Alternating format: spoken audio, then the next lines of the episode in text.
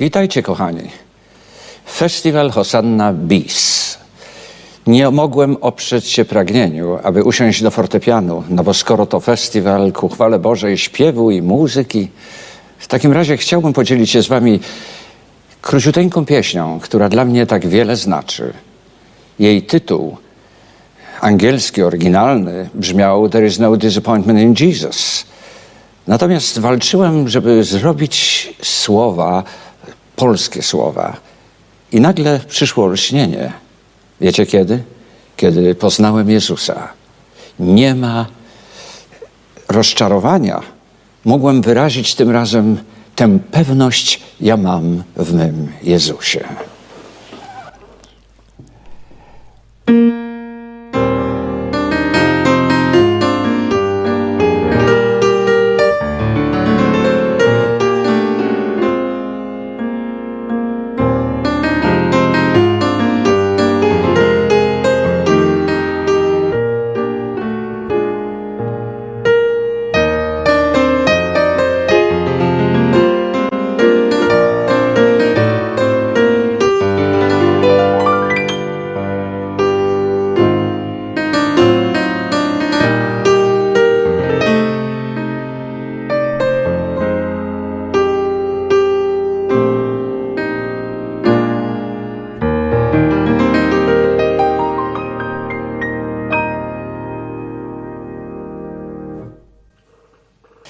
Jestem niezmiernie wdzięczny bratu Markowi, że pozwolił mi, aby znowu być gościem festiwalu Hosanna. Wspomnienia wracają. A ja dzisiaj chcę mówić Wam o tym właśnie, że pewność w Jezusie jest czymś tak niezwykle ważnym. Dzisiaj. Nie dopiero wtedy, gdy będziemy z Nim przez wieczność, ale dzisiaj. Chciałbym zaprosić Was, abyśmy skłonili głowy do krótkiej modlitwy.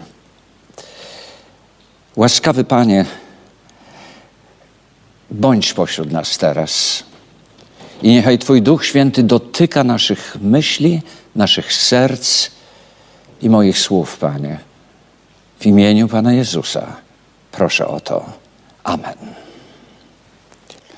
Chciałbym rozpocząć od takiego tekstu, który być może zaskoczy Was trochę, ale jest on autorstwa apostoła Pawła miał problemy troszeczkę ze zborem korynckim i jak wiecie oba listy, a faktycznie można by powiedzieć oba cztery, wszystkie cztery, które napisał, dwa mamy tylko w Słowie Bożym, yy, napisał do Koryntian dlatego, że pojawiły się problemy.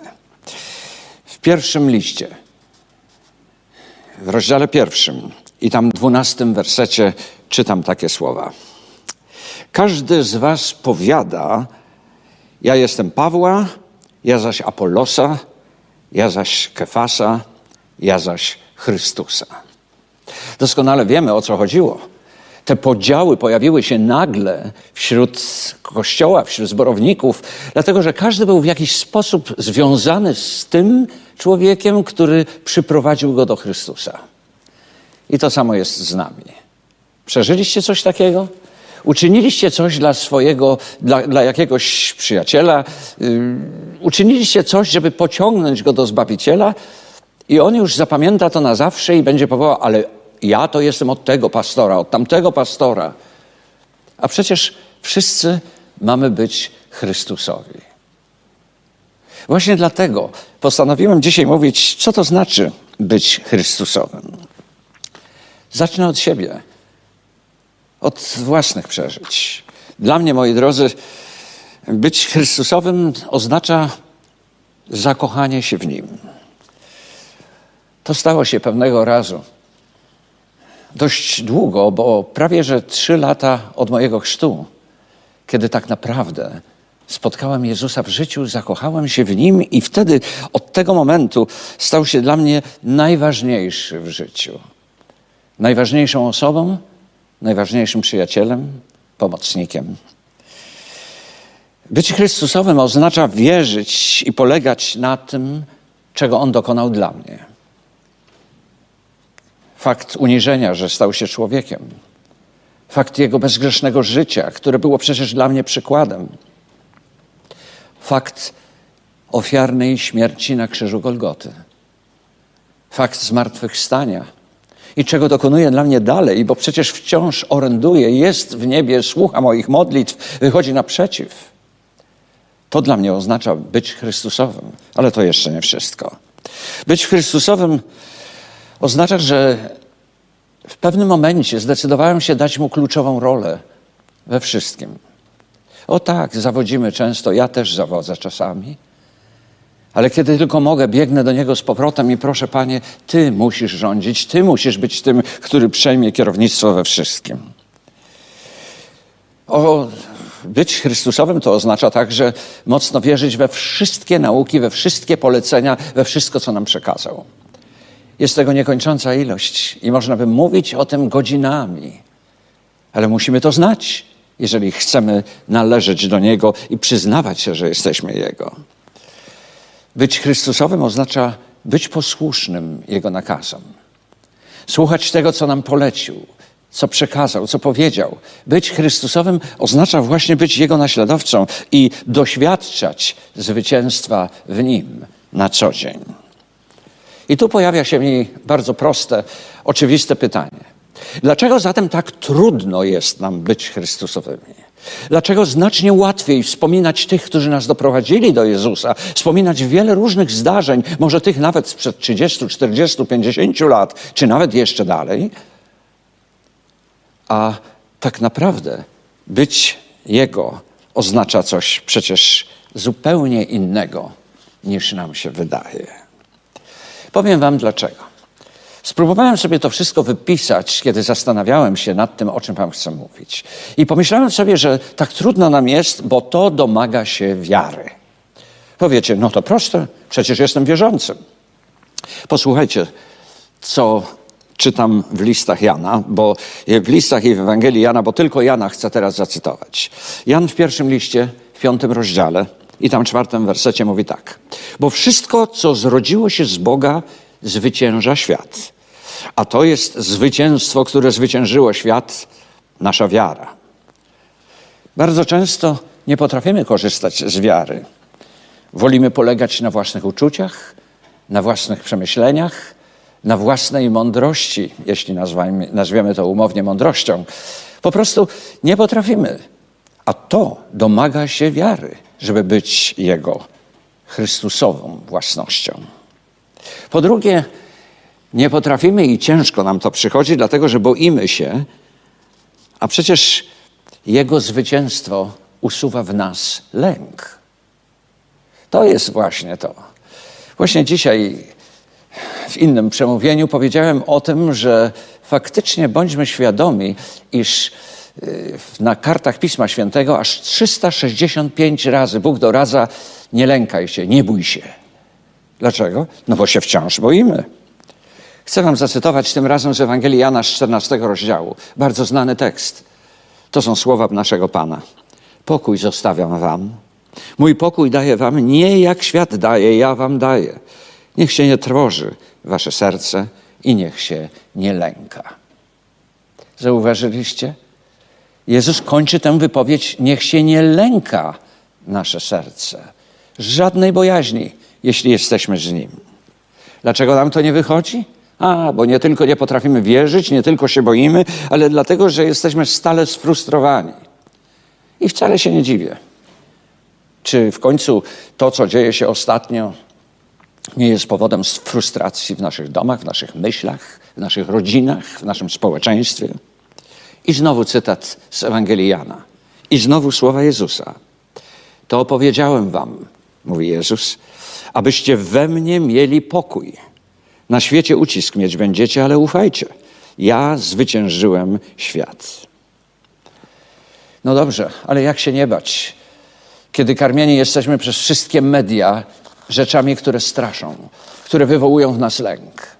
Zauważyłem jedną bardzo prostą rzecz. Wiecie, kiedy nie boję się? Wtedy, kiedy moje myśli są zajęte czymś zupełnie innym. Zapominam o tamtych i pojawiają się nowe. Często mawiam o tym, że tu chodzi o tę pojemność, jaką mamy, którą możemy zastąpić tylko Jezusem, którą możemy wypełnić tylko Jezusem, Jego obietnicami, Jego dobrocią. Jeżeli tak jest, w tym momencie frustracja znika. I to takie proste.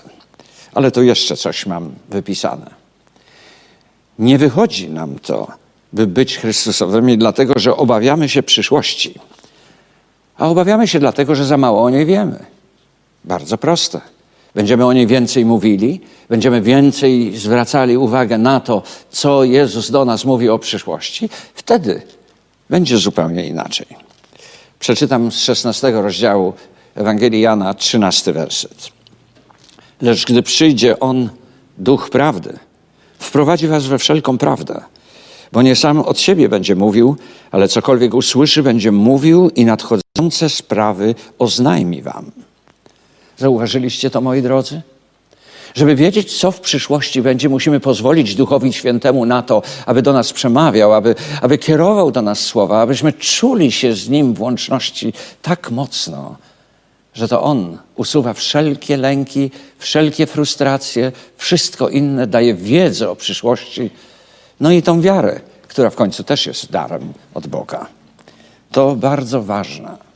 Ale teraz skupmy się na, na, drugiej stronie. Już wiemy, dlaczego nie potrafimy czuć się Chrystusowi, już wiemy, na czym to wszystko polega, by być Chrystusowym. W takim razie popatrzmy na to, jakie będą tego owoce, na czym to będzie polegało.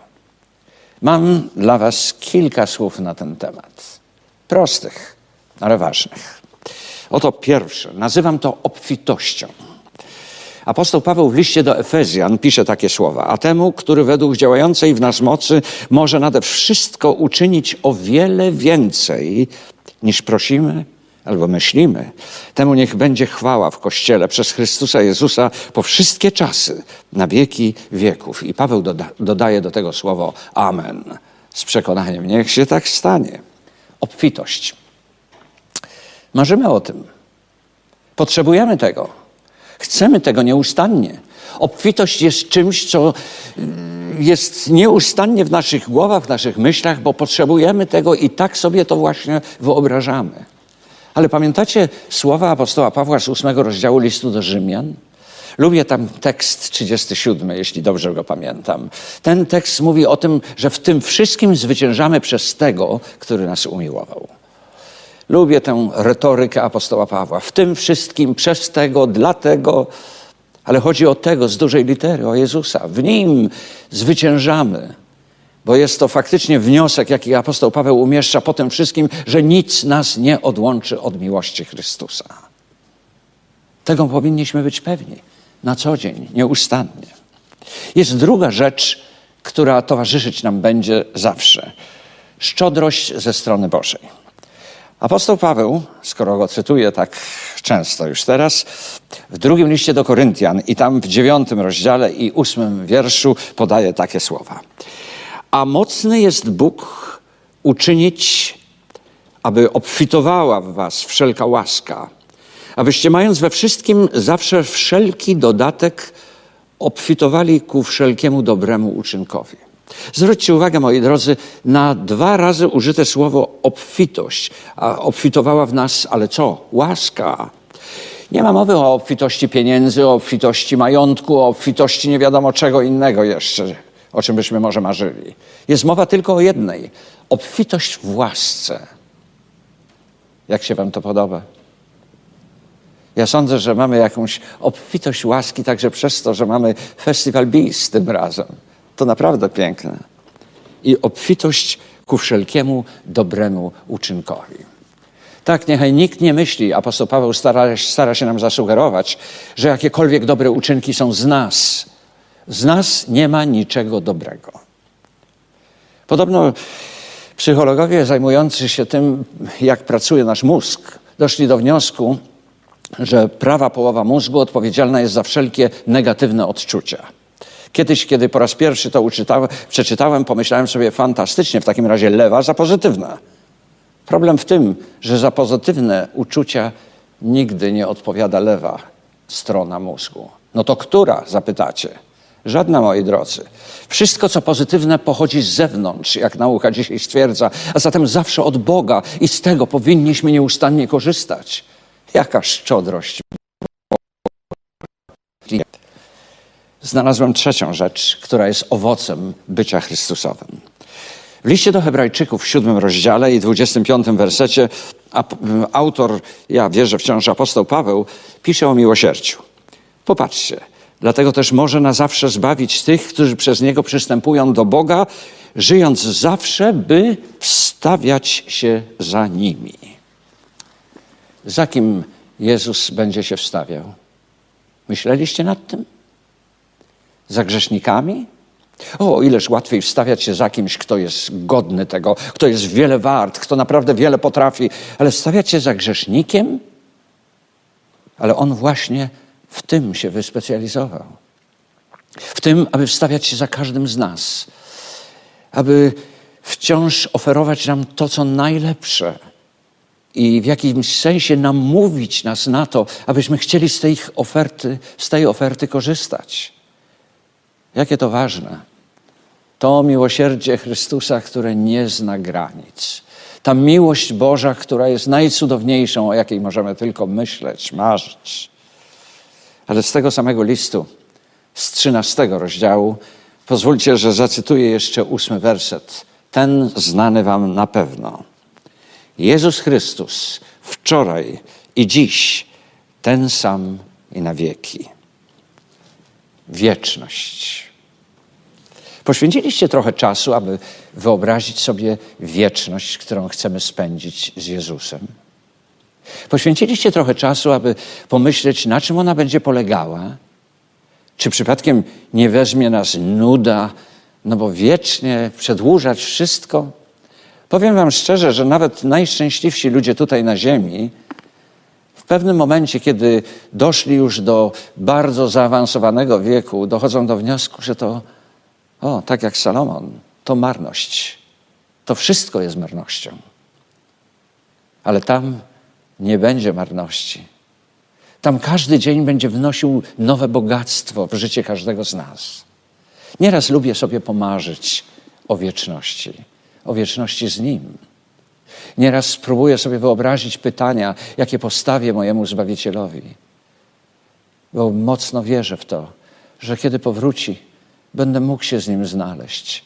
Marzę o tym, pragnę tego z całego serca. Huh. Powiedziałem o czterech rzeczach, które charakteryzują tych, którzy są Chrystusowi. O czterech rzeczach, które, jeśli przypominacie sobie, obfitość, szczodrość, miłosierdzie i wieczność. Nie wiem, czy udało mi się Was zachęcić, ale chciałbym. Bo powiem Wam, że Chrystus wczoraj, ten, który był na początku naszej ery, musi w jakimś sensie zejść się razem z Chrystusem dzisiaj, którego doświadczamy na co dzień.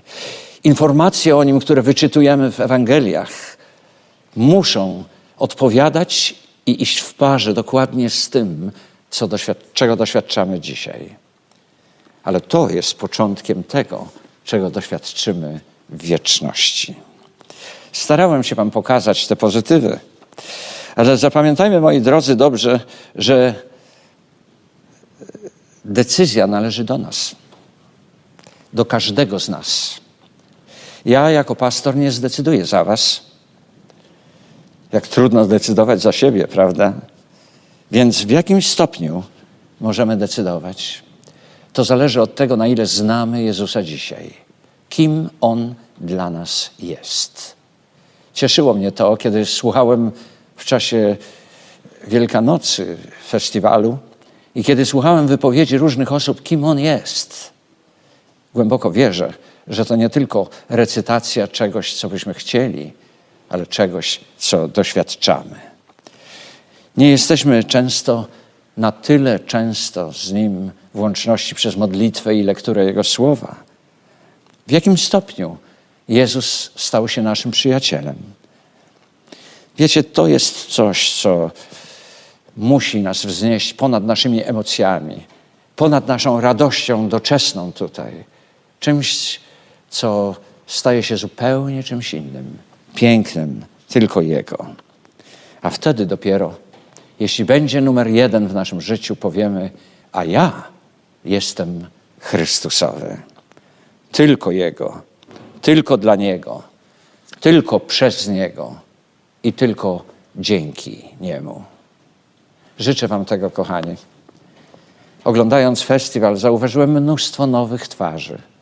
Prawdopodobnie, kiedy wyjeżdżałem z Polski, byliście jeszcze małymi dziećmi albo dorastającymi dziećmi, a teraz widzę dorosłych, odpowiedzialnych i podejmujących decyzje ludzi.